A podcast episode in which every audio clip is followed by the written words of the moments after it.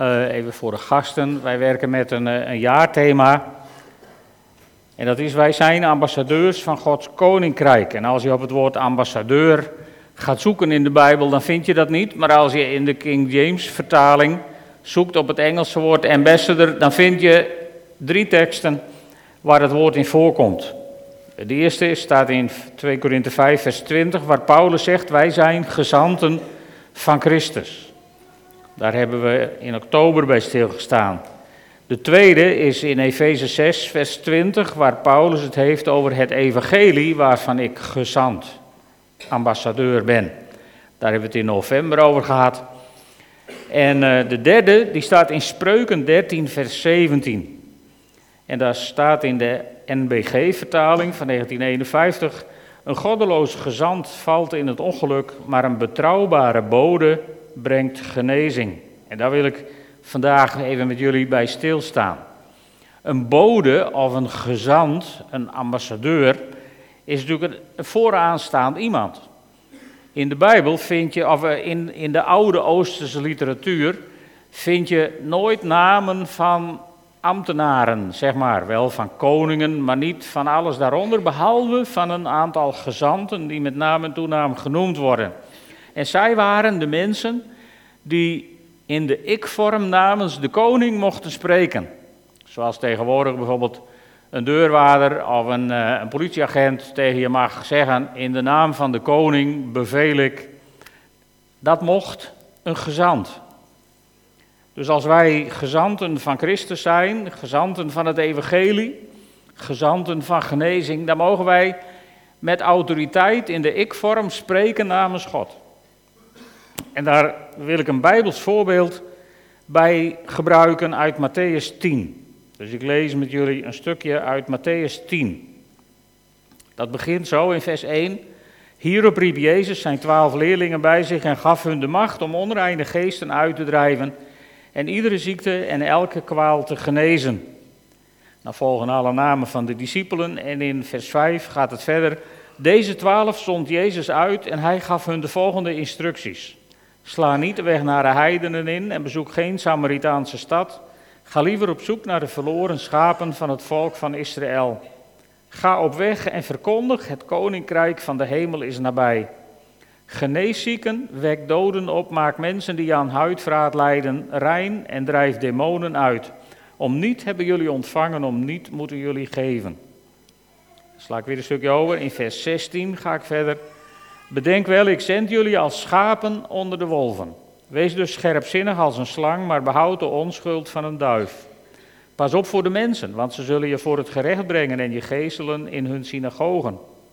Jullie zullen omwille van mij worden voorgeleid aan gouverneurs en koningen en een getuigenis moeten afleggen ten overstaan van hen en de heidenen. Wanneer ze je uitleveren, vraag je dan niet bezorgd af hoe je moet spreken of wat je moet zeggen. Want wat je moet zeggen zal je op dat moment worden ingegeven. Jullie zijn het immers niet zelf die dan spreken, het is de geest van jullie Vader die in jullie spreekt. En dan ga ik verder bij vers 38. Wie niet zijn kruis op zich neemt en mij volgt, is mij niet waard. Wie zijn leven probeert te behouden, zal het verliezen. Maar wie zijn leven verliest omwille van mij, die zal het behouden. Wie jullie ontvangt, ontvangt mij. En wie mij ontvangt, ontvangt hem die mij gezonden heeft. Tot zover de, de schriftlezing. De eerste vraag Waar ik mee wil beginnen is als we bidden met zieken en voor de gasten onder ons, wij zijn gewend om straks avondmaal te vieren. Het brood, dat wordt bij u langsgebracht. Voor de wijn mag u naar voren komen, hier naar de tafel. En ondertussen zijn we dan met twee teams achter in de zaal bereid om voor mensen te bidden. Mensen die ziek zijn of een andere nood hebben. Dat doen we al jaren zo. En dan leggen we mensen de handen op om voor ze te bidden. Waarom doen we dat eigenlijk? Waarom leggen wij mensen de handen op? Omdat we geloven in Jezus Christus en omdat we gehoorzaam willen zijn aan zijn opdracht en omdat we willen doen wat Jezus deed. Daarom hebben we ook bij het opdragen de kinderen in mijn armen genomen en ze de handen opgelegd, omdat Jezus dat zo deed. Dus dat is voor ons belangrijk. En bovendien geloven we in de belofte, die staat opgetekend in Marcus 16. Daar staat in vers 17 en 18, degenen die tot geloof zijn gekomen zullen herkenbaar zijn aan de volgende tekenen. In mijn naam zullen ze demonen uitdrijven, ze zullen spreken in onbekende talen. Met hun handen zullen ze slangen oppakken en als ze een dodelijk gif drinken, zal dat hun niet deren. En ze zullen zieken weer gezond maken door hun de handen op te leggen. Ik weet niet hoe het in uw leven is, maar ik heb nog een eind te gaan. Want in mijn leven is dit niet dagelijkse praktijk.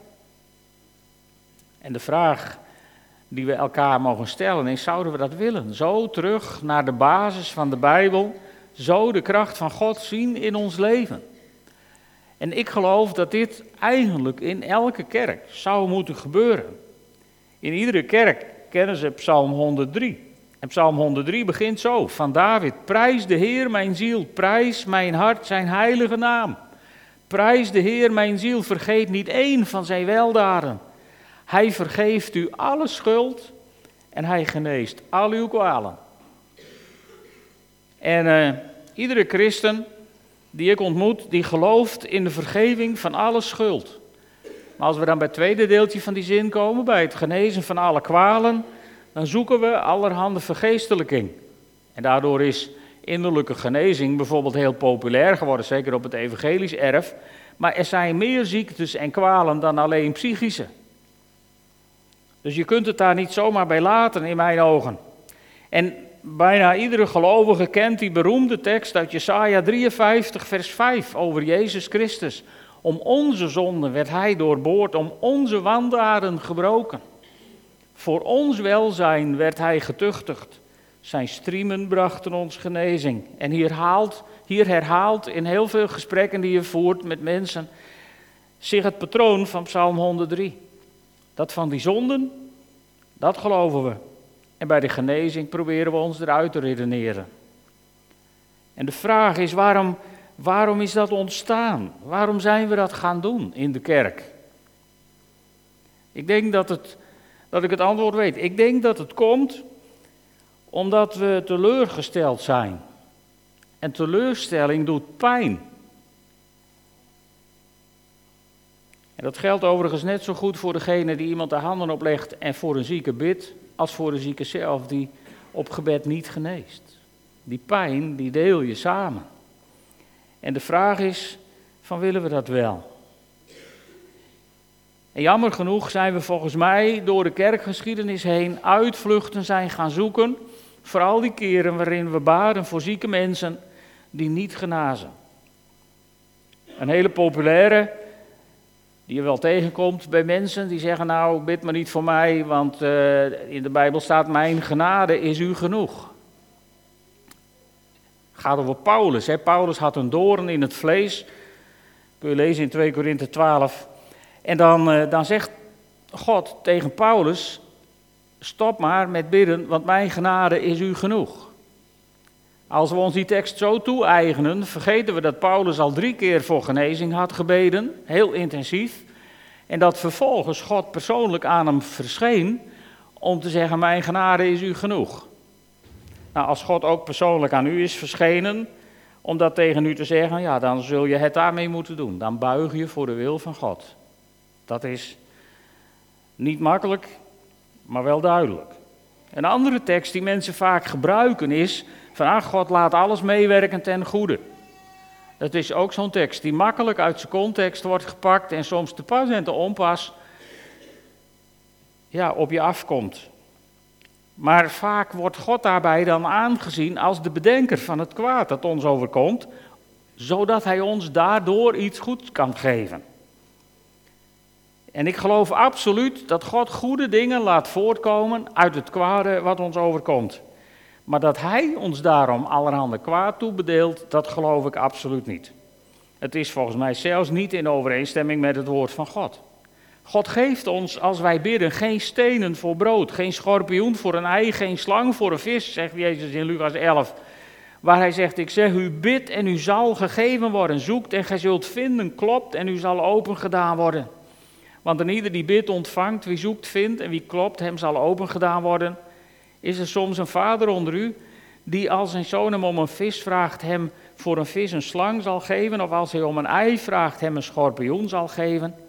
Indien gij dan, hoewel gij slecht zijt, goede gaven weet te geven aan uw kinderen, hoeveel te meer zal uw Vader uit de hemel de Heilige Geest geven aan hen die hem daarom bidden.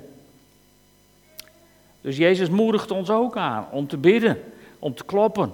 En hij, hij belooft ons daar verhoring bij, succes. En de vraag die bij mij dan keihard op me afkomt, is dit. Krijgen we dan altijd wat we willen? En ik denk dat de meeste ervaringsdeskundigen onder ons hier met volledig kunnen beantwoorden: nee, je krijgt niet altijd wat je wilt. En waarom niet? Dat weet ik niet. Dat is een mysterie van God, waar je als kind van God mee zult moeten leren leven. Als kind van mijn ouders kreeg ik ook niet altijd alles wat ik wilde. En dat mysterie moest ik toen als kind ook mee leven. Dat er soms andere dingen gebeuren dan je heel graag zou willen. En raak ik dan niet teleurgesteld als ik voor mensen bid die, die toch overlijden of alsmaar zieker worden? Of gewoon ziek blijven in de situatie waarin ze zijn? Natuurlijk word ik dan ook teleurgesteld. En afgelopen jaar in september was ik op een conferentie. There is more, daar sprak Randy Clark uit Amerika. En dat was op een moment dat ik in mijn teleurstelling in het bidden voor zieken zo'n beetje op een dieptepunt zat. En toen ging op een middag de studie over the agony of defeat. Eigenlijk de pijn van, ja, van verlies. De pijn van als het niet gebeurt wat je zo graag had gewild. En toen zei Randy Clark, zei, we moeten Gods kracht niet naar beneden halen tot het niveau van onze teleurstelling. Maar we moeten onze teleurstelling bij God brengen, zodat Hij ons geloof kan optillen naar het niveau van Zijn almacht. Daar moet je even over nadenken. We moeten Gods kracht niet naar beneden halen tot het niveau van onze teleurstelling. Maar onze teleurstelling bij God brengen, zodat Hij ons geloof kan opheffen tot het niveau van zijn macht. Even terug naar de uitzending van die discipelen. In Lucas staat dat verhaal twee keer. Eerst stuurt Jezus twaalf discipelen erop uit met die prachtige opdracht in Lucas 9. En dan in Lucas 10 stuurt hij er nog eens 72 op uit. Niet allemaal discipelen van hem, maar ook gewone mensen uit zijn omgeving. Maar tussen die uitzending van de 12 in Lucas 9, vers 1 en de uitzending van die 72 in Lucas 10, vers 1, daar begint Jezus met zijn discipelen over het kruis wat ze dagelijks op zich moeten nemen. En dan staat er in vers 23, tegen allen zei hij, wie achter mij aan wil komen, moet zichzelf verloochenen en dagelijks zijn kruis op zich nemen en mij volgen. En Randy Clark, iemand met een genezingsbediening waar veel mensen bij genezen, die, die ging daar vertellen over zijn bediening dat er inderdaad ook bij hem veel minder mensen genezen dan wel. Dus het, en dat hij dat ervoer als het dragen van het kruis van zijn bediening. Teleurgesteld worden is een vorm van je kruis opnemen. En wij als kinderen van God, wij als gelovigen op deze wereld, wij zijn gezonden om genezing en bevrijding te verkondigen en te praktiseren door zieken de handen op te leggen en demonen met gezag weg te sturen. En die opdracht is niet afhankelijk van onze resultaten, die is afhankelijk van onze gehoorzaamheid. En daarom doen we wat we doen. Wij zijn gezanten van genezing. En in de tijd dat ik met deze preek bezig was, hiermee worstelde, heb ik tegen God gezegd: Ik bid liever honderd keer voor iemand die niet geneest. Dan dat ik bij een sterfbed kom te staan van iemand waar ik niet voor heb gebeden, met de vraag in mijn achterhoofd: En wat nou als? Maar dat vraagt dat je jezelf verlogent. Want als mensen van alles van je verwachten en je legt zieken de handen op en je spreekt een heel mooi gebed over ze uit en er gebeurt niks. Ja, dat doet iets met je. Tenminste, met mij doet dat wat. En lieve mensen, dit, dit, dit geldt niet voor mij als predikant alleen. Dit geldt niet voor de oudsten of de ouderlingen van een kerk alleen. Dit geldt voor alle gelovigen. Jezus stuurde na de twaalf apostelen er 72 willekeurige mensen op uit. En die belofte in Marcus 16 die ik heb aangehaald, die zegt niet dat deze tekenen de apostelen, de dominees en de ouderlingen zullen volgen, maar de gelovigen. En als u gelovige bent, dan gaat dit ook over u. En wat betekent dat? Nou, dat betekent eigenlijk dat als je in je omgeving iemand ontmoet die ziek is of die ergens onder lijdt, dat je als gelovige iemand heel gemakkelijk zou moeten durven aanbieden, zal ik voor je bidden. We durven misschien nog wel eens iemand naar de ouderling te sturen of naar een pastoraal team. We durven misschien het nog wel eens aan om tegen iemand te zeggen van nou, anders moet je eens naar Jan Seilstra gaan of zo. Maar durven wij het aan, durven wij in die vrijmoedigheid te staan als je iemand ontmoet die ziek is of die worstelt ergens mee of die worstelt ergens mee, laten we het daar maar bij houden. Durven wij dan gewoon tegen andere mensen te zeggen, zal ik met je bidden? Durven wij dan iemand de handen op, en je hoeft iemand niet direct de hand op zijn hoofd te leggen, je kunt ook een hand op iemand zijn schouder leggen, maar het feit dat je, dat je verbinding zoekt met iemand, ik, ik vind het zelf altijd heel prettig als ik met iemand bid om gewoon onze handen in elkaar te vouwen, dan heb je ook fysiek contact met elkaar, weet je, dat, dat je fysiek met elkaar verbinden, dat is voor mensen al zo bemoedigend en zo troostend. En zo heilzaam soms. En dan kun je samen bidden. En dan mag je God bidden om genezing. Dan mag je God bidden om iets bijzonders te doen in het leven van die ander.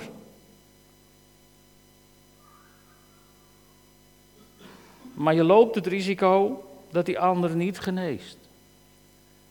Je loopt het risico, je bent bijna gegarandeerd iemand die dan de teleurstelling gaat moeten meemaken.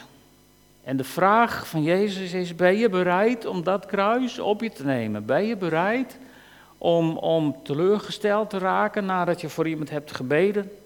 Als je daartoe bereid bent, dan ga je vast een aantal keer een teleurstelling meemaken, maar je gaat ook af en toe meemaken dat er onder jouw neus mensen genezen of zoveel kracht ontvangen dat ze op een hele bijzondere manier hun einde tegemoet gaan en bijna juichend de hemel ingaan, zodat iedereen die erbij staat denkt: wow, maar dit is God. Al die dingen heb ik gezien. En weet je, dat moet motivatie genoeg zijn om als je mensen tegenkomt die een nood met je delen, te zeggen: joh, zal ik met je bidden? Want dat is de enige manier om af en toe de grootheid van God in actie te zien onder jouw handen. De prijs is teleurstelling. De prijs is samen delen in verdriet van mensen. De prijs is samen delen in de pijn van andere mensen. Maar ook dat kan heel heilzaam zijn. En de vraag is, zijn wij als gelovigen daartoe bereid? Of besteden wij dat uit aan de dominee en aan de ouderlingen? Dan zien zij ook alleen de mooie resultaten. Het is een uitdaging. En daarbij moet je voor ogen houden waar het in het koninkrijk van God ten diepste om gaat. Als die 72 mensen die Jezus heeft weggestuurd in Lucas 10 terugkomen, dan staat er in vers 17, de 72 keren vol vreugde terug en zeiden, Heer, zelfs de demonen onderwerpen zich aan ons bij het horen van uw naam. En Jezus zei tegen hen, ik heb Satan als een lichtflits uit de hemel zien vallen. Bedenk wel, ik heb jullie macht gegeven om slangen en schorpioenen te vertrappen en om de kracht van de vijand te breken, zodat niets jullie kan schaden. Verheug je er echter niet over dat de geesten zich aan jullie onderwerpen. Maar verheug je omdat jullie naam in de hemel opgetekend is. En Jezus maakt hun hier eigenlijk twee dingen maakt ons ook twee dingen duidelijk. Als je, aan, als je hieraan begint om mensen te bemoedigen, om te geloven dat God wonderen doet en je je eraan waagt om voor mensen te bidden die ziek zijn, dan betreed je het strijdtoneel tussen licht en duisternis. Maar wees niet bang, niets zal je daar schaden, maar strijd zal er zijn. De overwinning staat vast, maar worstelingen zal het geven. En het tweede wat Jezus duidelijk maakt is, God heeft een andere prioriteit dan wij in ons menselijk denken vaak hebben. Ik las een stukje van iemand die zei, het is toch wel apart. Als christenen praten we er ons hele leven over dat we later naar de hemel gaan. En als het zo ver dreigt te zijn, bestormen we de hemel om het niet door te laten gaan. Ja, daar zit ook wat in. Gods prioriteit is anders dan de onze. En ik heb dat in mijn persoonlijke leven voor het eerst heel, heel krachtig ervaren toen mijn vader werd begraven. Toen mijn vader werd begraven, toen las de dominee aan het graf twee versen uit Psalm 115, vers 17 en 18. En daar staat niet de doden zullen de Heere loven, niemand wie in de stilte zijn neergedaald, maar wij, de levenden, wij zullen de Heere prijzen van nu aan tot in eeuwigheid. En mijn vader hoorde bij de levenden. Dat wat wij begroeven. Daar ging het niet om.